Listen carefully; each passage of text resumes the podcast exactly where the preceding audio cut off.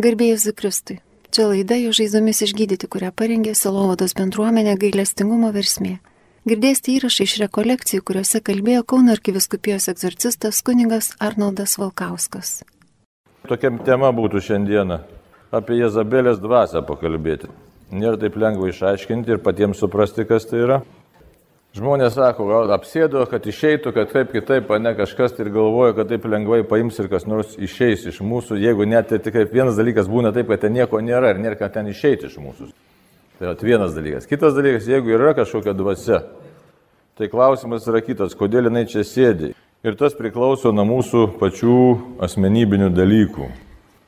Visi nori stebuklingos tabletės, išgėriau tabletę, staiga, reiškia, pasidariau laisvas, laimingas ir nieko daryti daugiau nebereikia. Iš tikrųjų visiškai netaip yra, viskas yra atvirkščiai.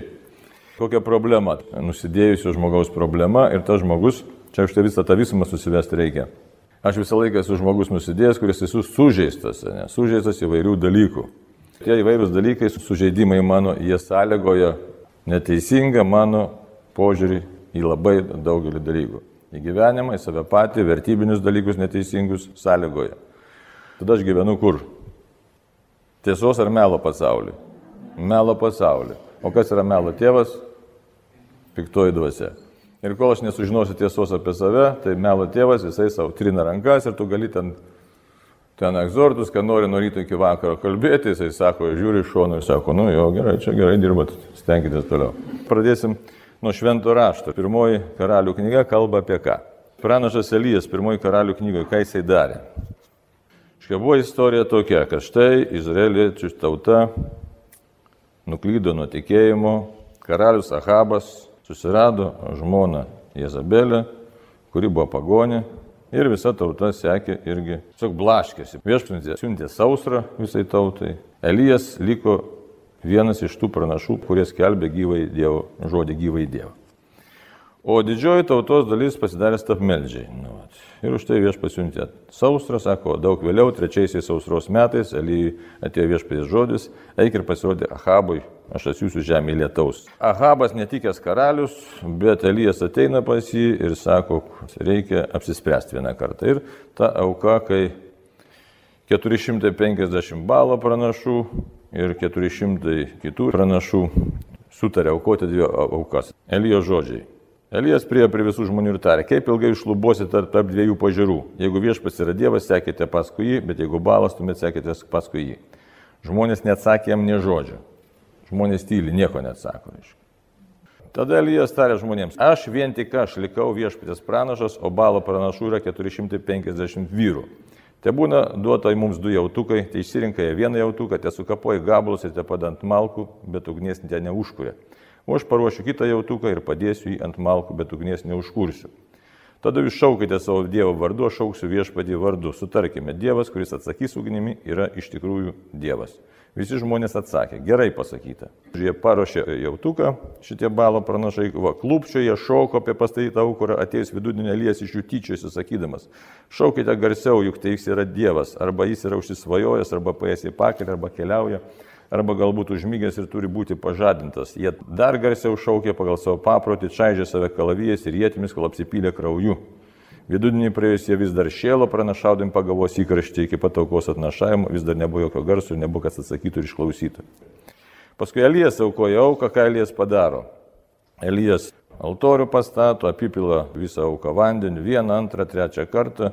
Elijas šaukėsi Dievo ir nužengė ugnis iš dangaus, sudegino deginamą auką, malkas, akmenis ir žemės. Jie sugėrė griovė buvusi vandenį.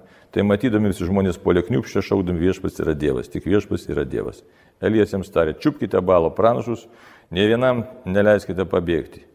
Jie buvo suimti, nuvarė su žemyn prie kišono upelio, Elijas juos ten nužudė. Taip, kad tie balo pranašai visi buvo išžudyti, Dievas parodė savo galybę, tačiau kas atsitinka? Kai Ahabas pasakojo Jezabelė visą, ką Elijas buvo padaręs ir kaip jis buvo išžudęs visus jos pranašus kalavijų, Jezabelė nusiuntė pasiuntinį paselį tardama. Tai man te padaro dievai ir dar te prideda, jeigu šiuo laiku rytoj nepadarysiu su tavo gyvastimi, kaip buvo padaryta su kiekvienu iš jų gyvastimi. Išsigandęs, gelbėdamas savo gyvybę, jis tučtiu pabėgo. Tai viena istorija. Dabar kita istorija, irgi patrumpinti reikia 21 skyriui. Karalius Ahabas nori ką padaryti. Yra toks vyras Nabotas, Jezdarlėtis turėjo vynogyną šalia Samarijos karaliaus Ahabo rūmų.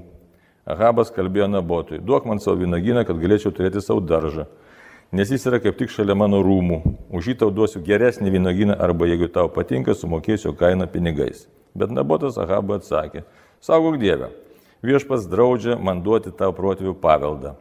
Čia reikia irgi žinoti visą istoriją. Viešpas draudžia man duoti tau protėvių paveldą. Ahabas parėjo namo prislėgtas ir nirus dėl atsakymų, kuriem buvo davęs nabotas Jezarelėtis. Aš netiduosiu tau, ką esu paveldėjęs iš savo tėvų. Atsigulęs į savo lovą, nugrėžė veidą į sieną ir nieko nevalgė. Jo žmona Jezabelė atėjo pas jį ir klausė, kodėl esi taip prislėgtas, kad net valgyti nenori.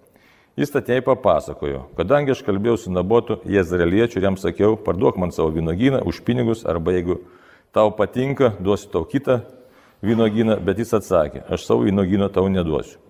Jo žmona Izabelėm tarė, nun yra tau metas pasirodyti Izraelio karaliumi, kelkis, ko nors pavalgyk ir būk linksmas, aš tau duosiu nabotą izraeliečio vynogyną.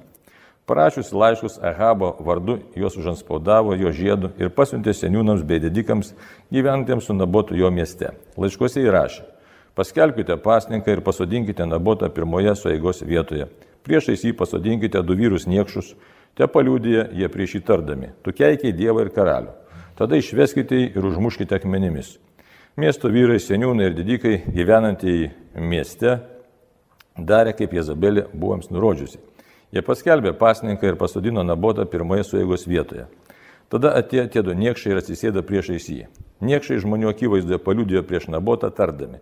Nabotas keikė Dievą ir karalių. Nabotas tad buvo išvestas už miesto ir užmuštas akmenimis. Tada jie pasiuntė žodį Jezabeliai. Nabotas buvo užmuštas akmenimis, jis mirė. Vos išgirdusi, kad Nabotas buvo užmuštas akmenimis ir yra miręs, Jezabelė tarė Ahabui.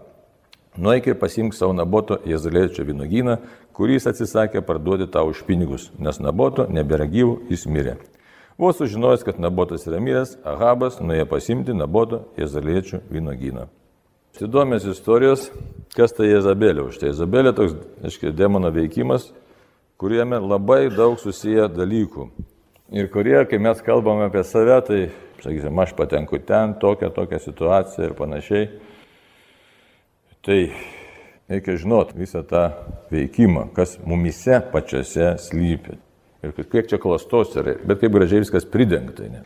Jezabelė pirmiausia, kas yra ten santykis su pagonišku pasauliu, su stabais. Ahabas žydas yra, kuris žino Dievo žodį, kuris žino, kaip eiti pas viešpatį. Ne, jisai, aiškiai, pasiduoda įtakai asmens, kuris tarnauja visiškai ne Dievui, bet iš tikrųjų jau skarnauja piktai dvasia tėvui. Pasiduoda, ne. Kitas dalykas, koks Jezabelės veikimas. Elijas 450, aiškiai, balo pranašų, 400 ten tų kitų astartės, kokių ten pranašų. Reiškia, visus ugnys iš dangaus, visi žudomi, atrodo visišką laisvę, o jisai, ką pagrasina Jezabelė, ką jis padaro, spaudžia į dykumą. Kas atsiranda? Klaikas ir baimė. Jis galėjo drąsiai stovėti ir sakyti, aš liūdėsiu iki galo, ne, bet ne, taip nesielgia.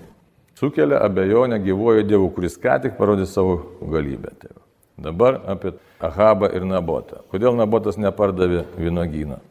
Todėl, kad pagal Mozės įstatymą Ir visi žydai tą žinojo, kad padalintas visas turtas buvo tarp 12 Izraelio giminių ir to, ką tu turi, negalima parduoti, net jeigu parduodavai, tai tik tai laikinai, mes jubilėjiniais metais visa nusavybė sugrįžta tau.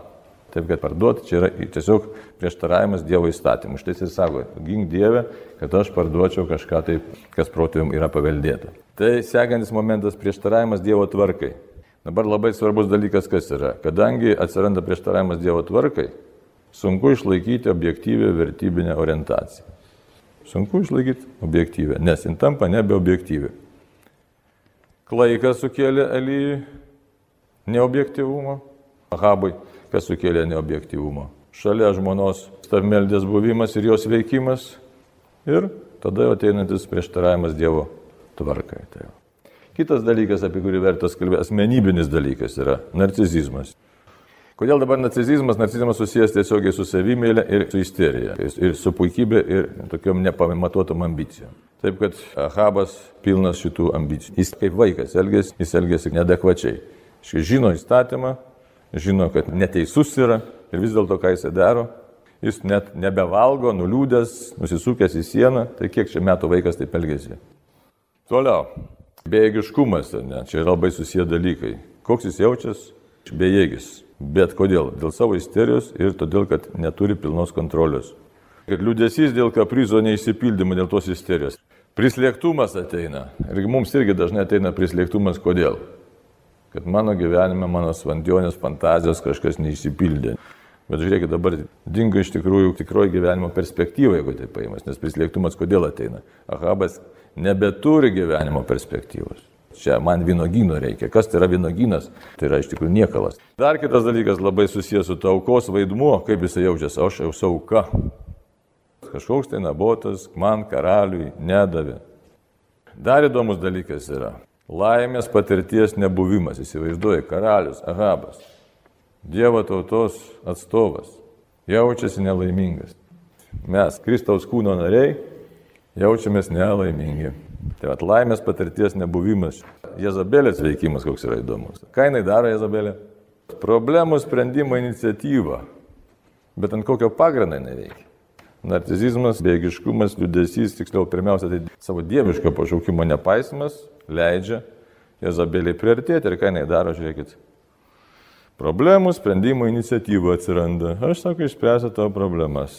Ir dabar Kant pasiūlo labai konkrečią pagalbą tariamas rūpestis, ne? Jinai nesirūpina iš tikrųjų Ahabo asmenybinių ten kažkokiu tai augimu, sprendimu, jokios darybės ten nėra. Ten nėra jokios meilės, ten yra dominavimas, ten yra kažkokia manipulacija, ten kontrolė. Tariamas rūpestis iš šeimos labai pasireiškia mamytė, padeda savo suneliui visur ir visada. Ir tarėsi, išsprendus jo gyvenimo problemą sukūrusiam laimę. Iš tikrųjų, jokios laimės nesukūrė ir negali sukurti, nes žmogus netapo žmogumis, nesubrendus, neužaugo. Jeigu nori išeiti į šviesą, žmogus draskomas dviejų tendencijų. Arba tu nori išeiti į šviesą, arba veržiesi atgal į motinos iššešį. Bet ta prasme, tai tas yra išeimas į šviesą, kad tu turi bręsti kaip asmenybė. Ir Jezabelė neleidžia iš tikrųjų bręsti ir tu pasilieki uždarytas toj savo situacijai. Dabar kitas momentas labai svarbus, ką Ahabas daro. Guli ir leidžia Jezabeliai veikti. Jokios iniciatyvos, kad jai sustabdyti ir pasakyti, kad žinai, aš turiu savo kelią, aš turiu savo supratimą, aš galbūt blogai jaučiuosi, bet esu neteisus. Tiesos šitame dalyke nėra ir jisai leidžia veikti. Ir Jezabelė veikia. Toliau, kas atsitinka? Situacijos valdymas atsitinka. Situacija valdo jinai. Ir prasideda kas? Laišką parašysiu su tavo anspaudu. Prasideda manipulacijos. Jeigu prasidėjo manipulacijos, prasidėjo kontrolė. Tai kitaip tariant, kitos mens žmogaus užvaldymas. Kas leido? Mes patys leidom. Kaip jaučiasi Ahabas greičiausiai? Skolos pojūtis. Dar didesnis priklausomybės augimas, sukelimas. Nes tu įsivaizduoji, išsprendė mano problemą. Aik, sako, pasimk vynoginą, naboto nebėra, daryk, ką nori. Ir jisai pakyla ir eina. Tai jisai visiškai pasinė į nuodėmę į tą priklausomybę. Toliau. Sukelia, dar tokį labai įdomų dalyką. Sukelia meilės iliuziją. Nes manim Jezabelė pasirūpino. Jeigu sukelia meilės iliuziją, tai aš kažkaip turiu atsiliepti, ne kažkoks ilgesys. Žmogus patikė tai santykiais ir kur atsiduria. Atsiranda poreikis labai įdomus - atliepti lūkesčius to asmens, kuris tau parodė dėmesį ir tą tariamą rūpestį. Tai sukelia kalties pojūtį neretai kad aš netobulai atliepiu tiems visiems reikalams. Ir sąlygoja ir mūsų nerima, kad aš neatsiliepiu kažkam. Tai ir dar sukelia kitą poreikį, poreikį gauti patvirtinimą, tai kad aš tikrai esu vertingas, esu reikalingas, kad aš esu būtent santykė tokiam su ta Jezabelė, sakysim, tu asmenį, kuris atstovauja Jezabelę. Jeigu nėra patvirtinimo, kaip dabar būtų nabota, jeigu būtų nebuvo patvirtinimo, tai tada krenta savivertė ant kokio pagrindo ta Jezabelė veikia. Čia yra toks labai įdomus, aiškiai, neurozės tapimo mechanizmas. Nes Jezabelė paprastai veikia neurotiškame žmoguje, galima iš vairių pusių žiūrėti tą ne mūsų neurozę. Tai tam tikras sutrikimas, ribinė būsena, kai žmogus negali išgyventi pilnos laisvės, vidinės laisvės. Kodėl tas ateina? Tas ateina iš šeimos. Ne? Iš šeimos iš tam tikrų prisirišimų ateina, iš tikrų sužeidimų tam tikrų ateina. Tam tikrų prisirišimų, prisirišimai yra iš tikrųjų tikri, yra jie pagal kraujomašą, žiūrėkit, ką Fromas rašo. Freudas atkreipė dėmesį keistą energiją būdingą vaiko prisirišimui prie motinos. Šį prisirišimą eiliniam žmogui tik retai pavyksta įveikti. Tas prisirišimas kenkia vyro gebėjimu bendrauti su moterimis, varžo jo nepriklausomybę ir, kaip, ir kad prieš priešą tarp vyro įsisamonintų tikslų be žiniaušo savanaudiško prisirišimo gali sukelti įvairius neurotinius konfliktus ir simptomus. Tai dabar taip žiūrim. Va kas čia yra? Šeima. Dabar šeima yra bazinis dalykas. Čia yra vaikas vidury, kuriam reikia tėvo ir motinos. Vaiko saugumas priklauso nuo jo santykių su tėvu ir su motina. Nes gimęs vaikas iš karto patenka savotiškai į nesaugią aplinką, nes kol jisai iščiuosi, jis yra saugus. Tad patenka į nesaugią aplinką ir jam reikia adaptuotis su tą nesaugią aplinką, šiek tiek jos priprasti. Ir jam gyvybiškai svarbus yra ryšiai su abiem tėvais. Ir jeigu tarptų tėvų nėra sutarimo, bet bet kokias įtampos. Tas vaikas į vieną ir į kitą žiūri ieškodamas meilės ir visiško absoliutaus saugumo. Ir kai jisai patenka tarp tų dviejų ugnių, pirmas jos klausimas yra, kodėl jūs manęs nemylite. Ir ką aš netai padariau, kad jūs manęs nemylite. Tai ir jam visiškai nesvarbu, jokia logika čia neveikia ir tas yra labai dabar įrodyta, yra pirmi gyvenimo metai, iš tikrųjų iki trijų metų, Čia ypatingai sudėtingas periodas. Mokslas ir praktika skiriasi pasaulyje labai stipriai.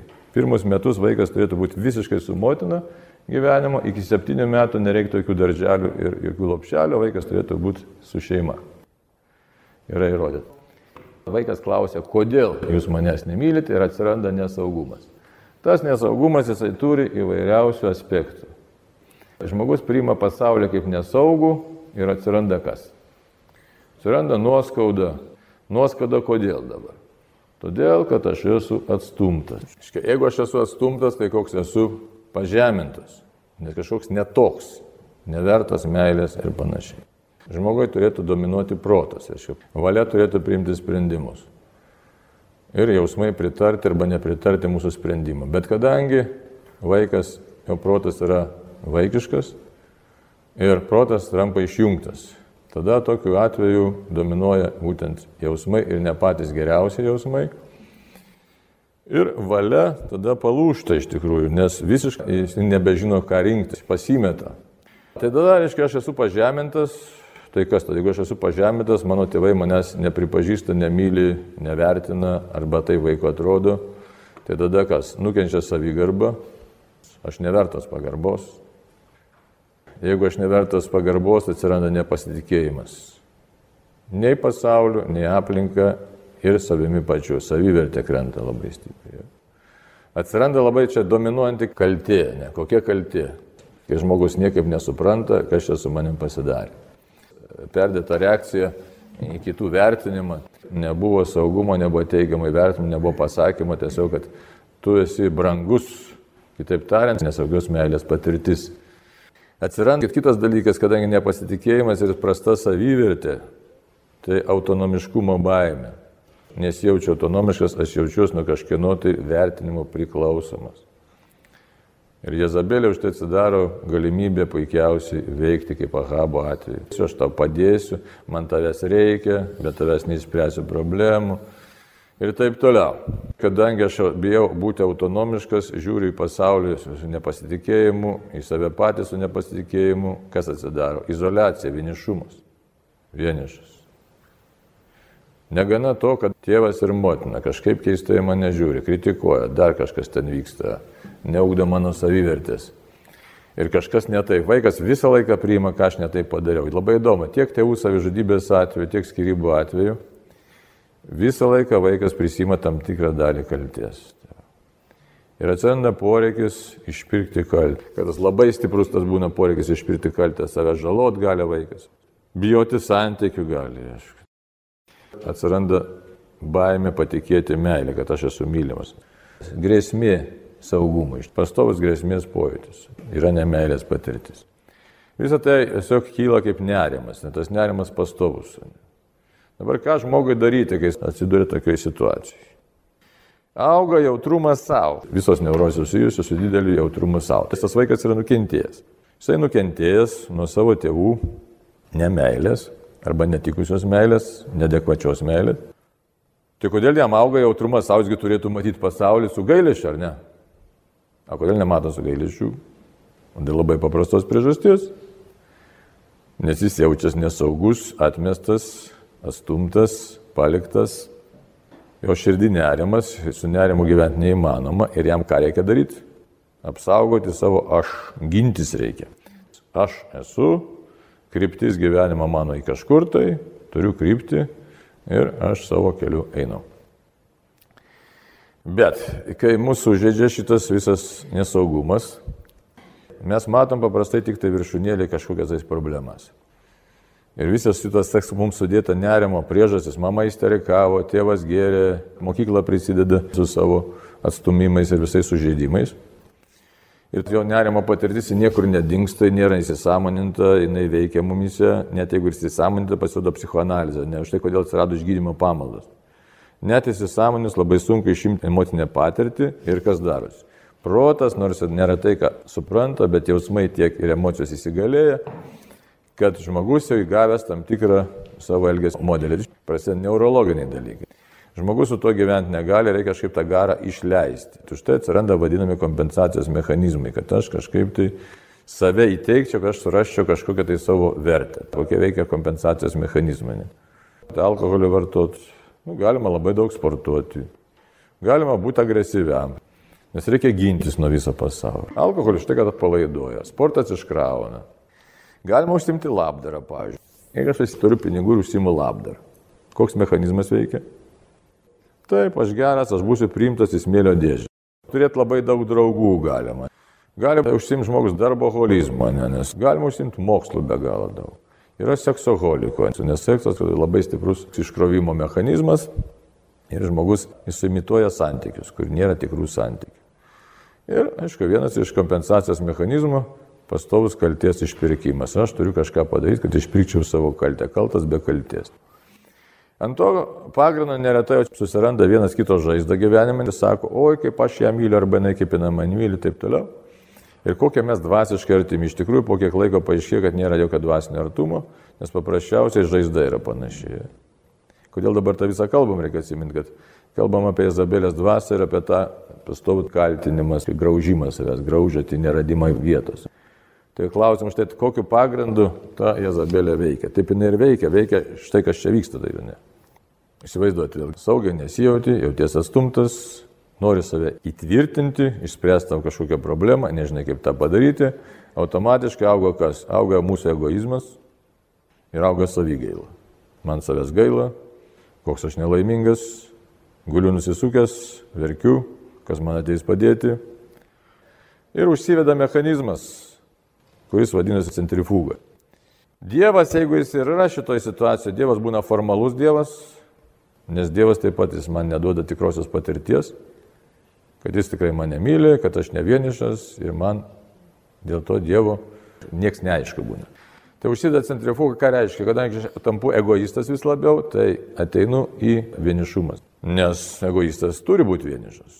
Tai dar stiprėja nesaugumas, stiprėja ir atstumimas, ir kaltė, ir nepasitikėjimas, ir savivertė. Ir, ir sukasi tas ratas vis stiprin ir stiprin. Žmogus bando kompensuoti kažkaip tai tą savo vidinį nerimą ir tą atstumtumą, bet kyla įtampa ir jautrumas savo.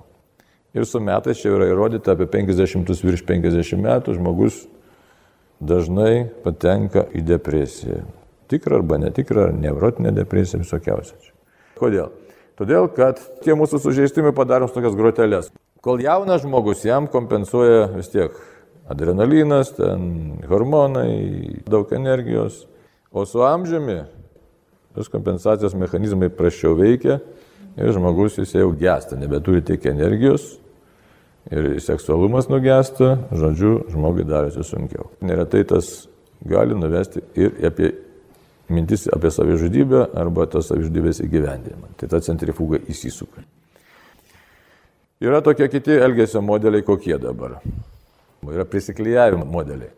Kai stengiamasi prie ko nors prisiklyjuoti, kad aš jaučiausi nu, kažkiek tai vertingas, kažkiek saugus. Tai tas vijoklių ir medžių variantas. Bet tam medžiui atsibosta tas vijoklis ir paprastai įspyrė lauką. Ir vėl tas lieka nelaimingas, vienišas, nesaugus ir vėl sukasi visas mechanizmas. Ką daryti? Atpažinti pirmiausia savo sužeistumą ir kodėl dabar dabar daug kas akcentuoja atleidimą. Tad už tai, aišku, atleidimas, įsisamonimas pirmiausia tų visų situacijų, nes nėra tokių tėvų, kurie klaidų nepadarė nuo Adomo ir Javos. Visą laiką jau buvo ir bus kita vertus, vaikas taip jau yra, kad jis išės iš iščių. Jaučiasi nesaugus dėl to, kad nu, pasaulis pasikeitė labai. Ir toliau jeigu tėvai jo neugdė sąmoningai, kaip įvesti į pasaulį, tai va, auklė kaip papuolė, nes šito dėmens Dievo, tikro supratimo ir kaip Dievas nori. Tai nėra šito dalyko, asmeninė susitikimo su viešpačiu ir savivertės atstatymu. Tai ir tėvai to nedaro, arba daro labai agresyviai, daro prievartiniu būdu, arba iš vis palieka saviegi, dabar, sakysim, perdėtas prisirišimas prie mamos ir mama galvo, kad ten gerą daro. Nei prisirišimas, nei atstumimas, jis turi būti asmenybinis augimas, kad žmogus pajaustų, kad aš esu. Tikri santykiai, o čia kaip tu ir tu mūsų santykis, kai mes ir su Dievu kaip bendram yra, tu ir tu santykis kalbant su Dievu. Nėra, kad aš ir aš. Tu ir tu. Dievas man sako, Arnoldai, tu, reiškia, aš sakau, Jėzau, tu, reiškia, tu va čia yra sveikas santykis. Yra sąlyčio taškas ir viena kryptis. Čia sąlyčio taškas, kur šeimoje dabar, dėl ko kuria šeimas. Dėl ko gimdo vaikus? Nežino. Arba namą nusipirksim, būtą nusipirksim, ten mašiną nusipirksim. Na, buvo to vynogyną, žodžiu, pasimsiu ir būsiu laimingas. O iš tikrųjų neugdo asmenybės, varia, kad tie vaikai, kur žaidžia internetu, taigi jie pasilieka kūdikio lygmenyje. Ir jų principas yra malonumo principas. Ir šitokį žmogų paleidžia gyvenimą ir tas žmogus jisai paskui ateina po kiek laiko ir sako, aš noriu maldos. Jisai visiškai neparuoštas gyvenimas, nesuformuotas, nes jis negalėjo priimti vertybių. Dabar kokias vertybės tas žmogus galėjo priimti, kuris yra visiškai skilėtas ir kuriam reikia gintis nuo nesaugumais. Ir tada bet kokia ta Jezabelė ateina ir sako, o čia su šito smagu, jam ką be pasiūlys, jis už ant to užkipsis. Jis užkips ant ko tikrai nori, nes jis neturi savęs, savo savasties neturi. Savigarbos nėra, tik savimėlė yra. Ahabo, kokia savimėlė? Duok man tą vynogyną, nes aš jo noriu. Viskas. Aišku, santykio su Dievu nėra Ir tragedija džiulis, pagrindą ant kojas kalbėti. Stumimas, ką jis padaro? Savivertės sumažėjimas, savigarbos, pasitikėjimas savim sumažėjimas, pasitikėjimas saugusiai sumažėjimas, antagonizmas supančiam pasauliui. Jeigu būtų meilė šeimoje, tėvo ir motinos šiluma, bet tie tėvai praranda autoritetą. Ar man mano tėvai buvo autoritetas? Nes kaip ideologijos veikia? Dabar, pažiūrėjau, kaip komunizmas veikia sugriauti šeimoje autoritetą. Tėvas motina nebuvo autoritetas. Dabar šitas liberalizmas kaip veikia. Žiūrėkit, su savo vaikais nesusišnekat, kas nekatės, todėl kad internetas autoritetas, dar kažkas autoritetas. Bet kas pasidaro? Pasaulio matymas susiaurėja, matom tik per savo sužeidimų prizmę, mes to nesuprantam. O nuolatinė kova su nematomu kabutėse priešu. Štai, pavyzdžiui, dažnai būna, pavyzdžiui, šeimoje isterijos, motina paima ten kas nors isterija, vyras savaip isterikoja, moteris savaip isterikoja kažkas kažką kaltina, o kažkur tai kyla, visą vitą kyla iš šitų dalykų. Ir reikia nuolatinio saugumo užtikrinimo, savęs teigimo reiškia. Aš, kadangi jaučiuosi nesaugus, man reikia teikti, kad aš kažko vertingas. Arba turiu iš kitų gauti patvirtinimą. Va gerai pakalbėjai, va žiūrėk, kaip protingai pasakėjai, žinai. Nu, tai... Bet kadangi yra nesaugumas viduje, tau reikia pastoviai, pastoviai ir pastoviai. Vienišumas, kova iš išlikimą, tai galiu permės aš tą tai pristatyti. Nerimo kompensacija, reikia kompensuoti mechanizmą, reiškia. Dėmesys į save atkreiptas, įtvirtinimas. Visų reikalų jau čia buvo per savo žaizdos prizmę matymas. Bet to nesupranta. Ir kol nesupranta, kankina faktiškai kitus. Ir galvo, kad mano visos mintis ten arba visi dalykai teisingi, būtent nuolatinis savęs lyginimas su kitais. Poreikis save aukštinti, bet jis būna labai įdomus. Net tada, kai sakom, kad aš nieko nevertas, Paprastai yra kitaip viduje. Ir net tada, kai kitus aukštinam, iš tikrųjų, tai mes jo žeminam. Aplinkos neigimas, netokia aplinka, negera aplinka, oras netoks. Apkalbos, jau dėl apkalbų mechanizmas kaip veikia. O ką daryti? Tai čia, aišku, variantas čia ilgas kelias, bet vienas išsisąmonės, nebijot pamatyti, kad aš esu sužeistas. Tada kitas dalykas, kitų asmenų kaltinimas užtariamas ar tikras nesėkmės. Net ir tikras, jeigu aš kaltinu. Sako, gerai, tu gavai tokį variantą. Nu ir ką? Tai dabar priimk ir tiesiog, nu tavo tiesiog yra uždavinys šitaip. Pamatyti tiesą ir tiesiog jau nebekaltinti. Nu, turėjau tėvą alkoholiką, pavyzdžiui, ar ten dar kažkas. Ką dabar padarysi? Esu sužeistas. Nu taip. Tai bet dar tokiu esu toj situacijai ir bandysiu iš to eiti, tai kas mane ves. Kovosiu su savo įdom, nepasiduosiu kam nubraukti, reikia iš tikrųjų savygailą, nes. Ir ieškoti objektyvių vertybių. Tai va, būtinai. O laimės patirties nebuvimas. Dėkojimos tokio, nes paprastai sužeistas žmogus kaip yra tas Ahabas. Nemato už ką dėkoti, jis yra Izraelio karalius, jis yra išrinktosios tautos karalius. Nėra jokia ten nesvarbu viskas. Va, sunku išlaikyti objektyvę vertybinę orientaciją. Sunku objektyviai vertinti žmonės ir santykius, nes emocijos sutrikusios, nepateikia tinkamos informacijos. Egoizmo augimas. Stumimas, nesaugumas, nepasitikėjimas, neriams, vienišumas iki tikros depresijos, jos psichologinio, psichosomatinio pobūdžio praaiškomis. Nu, uždaras ratas atrodo, kad be išeities iš tų taip nėra. Nu, metodas leidžia suprasti faktus ir apsaugoti nuo klaidingų interpretacijų. Tokiu būdu žmogus atsiranda galimybė pažinti tiesą ir pradėti žengti laisvės keliu. Čia tik pradžia, išeities keliai kokie. Yra išeitis ar nėra? Ką sako psichiatrai, psichoterapeutai apie neurozę? Išgydom ar neišgydom? Dauguma sako, neišgydoma, iš tikrųjų tik tai Dievai tai mano. Psichoanalizė, iš tikrųjų labai daug dėjo psichoanalizė visi vilčių, kad psichoanalizė išlaisvės. Ir tokio būdo atsirado būtent tėvas Rūvus Pereira, kaip jis ir pradėjo išlaisvinimo tą tarnystę, išgydymo tarnystę.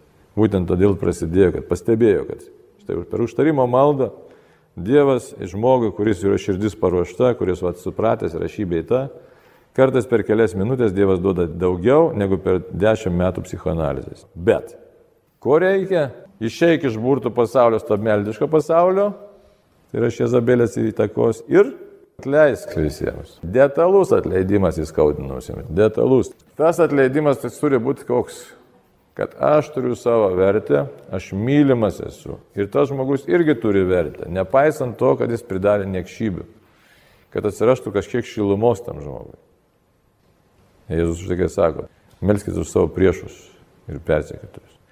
Nes Dievas tai kitaip mato, Dievas visus mūsų meilę mato, įsivaizduoju. Tai reiškia, labai daug didelės kantrybės su savimi reikia. Išgydymo pamalas, aišku, štai turi savo prasme, bet tačiau reikia tam gerai pasiruošti. Čia labai svarbu - didelio tikslo siekimas. Koks mūsų tikslas? Stipriai motivuota vertybinė orientacija, priverčia užmiršti save. Vertybinė orientacija. Čia netinka, kad aš eisiu daug darbų dirbsiu, atsimušiu, tai ten, jeigu daug darbų dirbsiu kažko, tai kai būdavo mūsų ten visokie giminaičiai tarybiniais laikais iš darbo parėjo, dar į sodą važiuoja, dar į garažiuką eina ir, žinai, paskui jau vakaro sulaukia, išsijungia ir taip toliau. Tai jis žmogus, jis net negyvena, jis nežino, ar jis gyvena. Tai kažką tai daro, žinai, tai į kalnus lipa, ko paklausi, ko tu lipi į kalnus. Nu, kažko tai, žinai, lipu, man malonam, kaifas. Ko tu ten? Atsakymas paprastas, noriu būti ypatingas, noras ypatingo būti yra, prie neurozės labai tinka. Išskirtinių noras būti. O kodėl tu nori būti išskirtinis? O todėl, kad aš nesijaučiu saugus.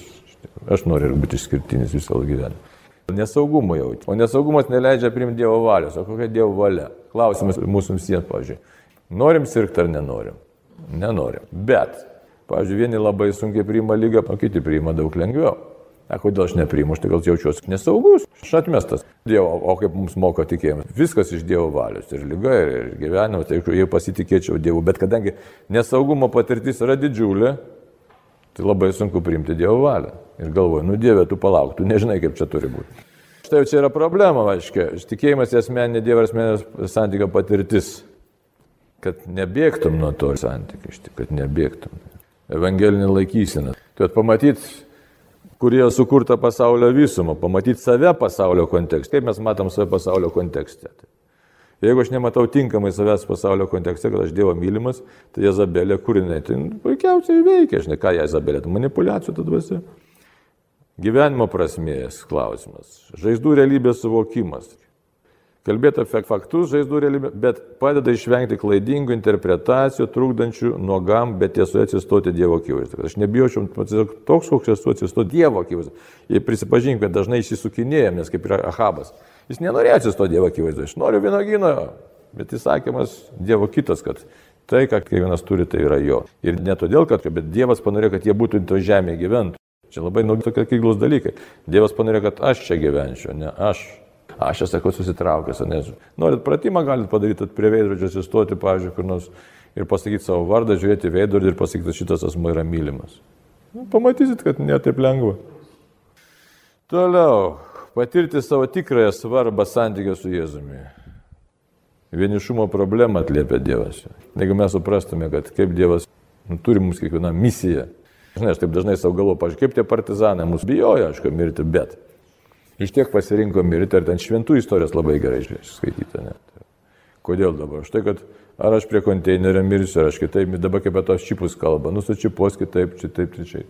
Gal čipos, gal ne čipos, kas ten žino, bet dabar iš anksto bijoti ir iš proto eiti. O jeigu ateis laikas, nu tai ką darysi? Arba mirsim iš bado, nu. Nesinori iš bado mirti. Nes čia jau tas laisvės problema iš punktas kryžiaus paslaptis suteikia prasme aktualiai išgyvenamai kančiai. Įsigilinti kryžiaus paslaptį. Vieną kartą melžiausi Jėzaus, sakau, Dieve, padėk man pamilti tave. Atėjo atsakymas, žiūrėk į kryžių. Nu, pabandykite, ar norite labai žiūrėti į kryžių.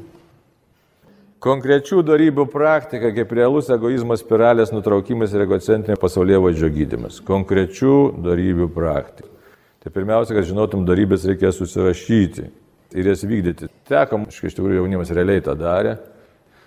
Nu, tai sako, nuėjo Vilnių ar Kaunė, nesimenu, į onkologinį ligoninę, o onkologinė, žinote, ten mirties lėnis yra. Nu, va, ir nuėjo su žmonėm paprasčiausiai pasišnekėti. Netrodo, nueini ir pasišneki su žmonėmis. Tas, va, kurie jaučiasi labai nelaimingi kaip Ahabas, neturiu vienagino, neturiu vyro, neturiu vaikų, dar kažko neturiu, žmonos neturiu, nieks manęs nemyli. Turėjau tris žmonas ir visos manęs nemylėjo, žinai. Tai ką daryti? Sakau, pasim gėlytę, nes kitaip labai e, sudėtinga ateini į palatą ir be nieko, tai sunku užmėgs pokalbį. Bet kai atneši gėlytę, o aš atėjau jūsų aplankyti. O yra tas inkarėlis, tas užkabinimas žmonių atėjau. Ir tie žmonės laukia iš tikrųjų. Ir tau pasikeičia pačiam pasaulis labai greitai. Bažnyčios kaip bendruomenės, per kurią realizuojama Dievo malonė pasaulio išgyvenimas, intravertinės laikysnos priešpriešas. Čia nėra taip paprasta, nes neturim gerų bažnytinių jas galim kurti kažkaip. Ir dėkingumo ir atsakomybės jausmai. Čia Franklio mintis. Dėkingumo ir atsakomybės jausmai. Dėkingumo. Franklis ten savo interviu labai gerai sakė. Pas Paulių VI jisai buvo audiencijoje. Paulius VI jį labai jau ten išgyrė. O jisai sako, aš jaučiu vis tiek, sako, tokį, kaip sakyt, kelis dalykus. Sako, dar per mažai padariau, kiek Dievas man leido po lagerį, nes jis po lagerį išgyveno 50 metų. Ir labai dėkoju Dievui, Dėkuoju, reiškia, ir, ir jaučiu atsakomybę toliau už savo gyvenimą, kad dar šį bei tą galėčiau padaryti.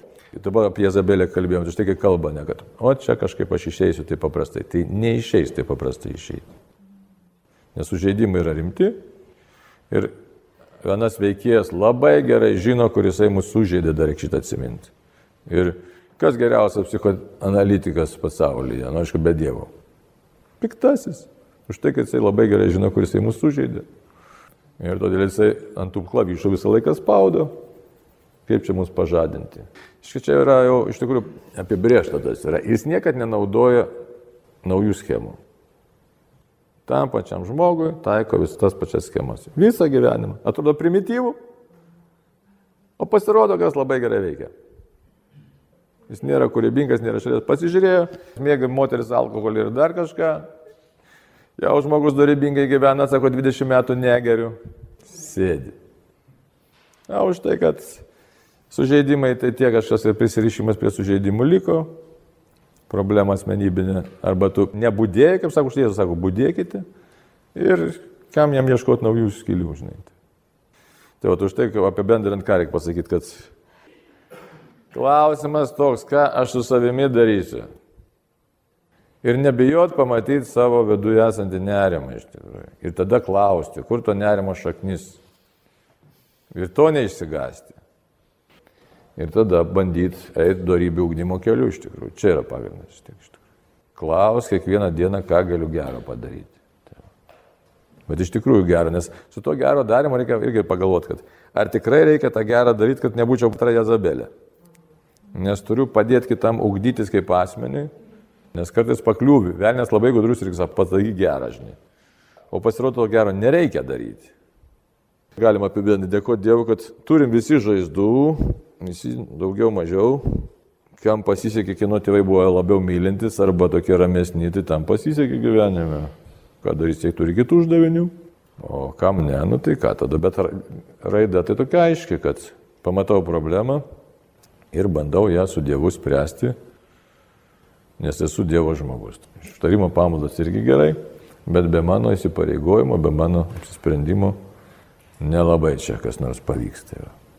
Turiu daryti konkrečius žingsnius, Kokius dar ten konkrečius prisimenu Franklin, bet ten tas principas yra malonumas, yra vaiko principas, jėgos siekimas yra dominavimo, yra paauglio principas, o atsakomybė, ne, prasmės siekimas yra suaugusio žmogaus principas. Tad reiktų klausti kitaip, norint iš chaoso išeiti, kiek prasmingas yra mano gyvenimas, kur aš matau gyvenimo prasme. Čia yra pagrindinis klausimas, už tai Franklis taip logoterapiją sukūrė. Ne? kiek mano gyvenimas yra prasmingas. O prasmė kame? Sudėtinga su prasme vaikai savo kambarėlėmis. Ten buvo toks klausimas. Jeigu tave suparalyžiuotų visiškai ir guliant lovos, o dabar Italija paprašė eutanaziją vaikinas, kad jam atliktų po avarijos. Ir atliko jam eutanaziją, nes buvo visiškai suparalyžiuotas. Verkiais ten. Tai at ir bažnyčia, aišku, tam nepritarė. Bet labai sudėtinga. Ten klausimas, eik į savo kambarėlį, mintis tokia. Jeigu tave visiškai suparalyžiuotų, ar tu jaustumės Dievo mylimas? Tada štai labai svarbu prasmės klausimas. Dėkojom Dievui. Garbė Dievui, Tėvui ir Sūnui ir Šventai Dvasiai. Kai buvo pradžioje, dabar ir visada.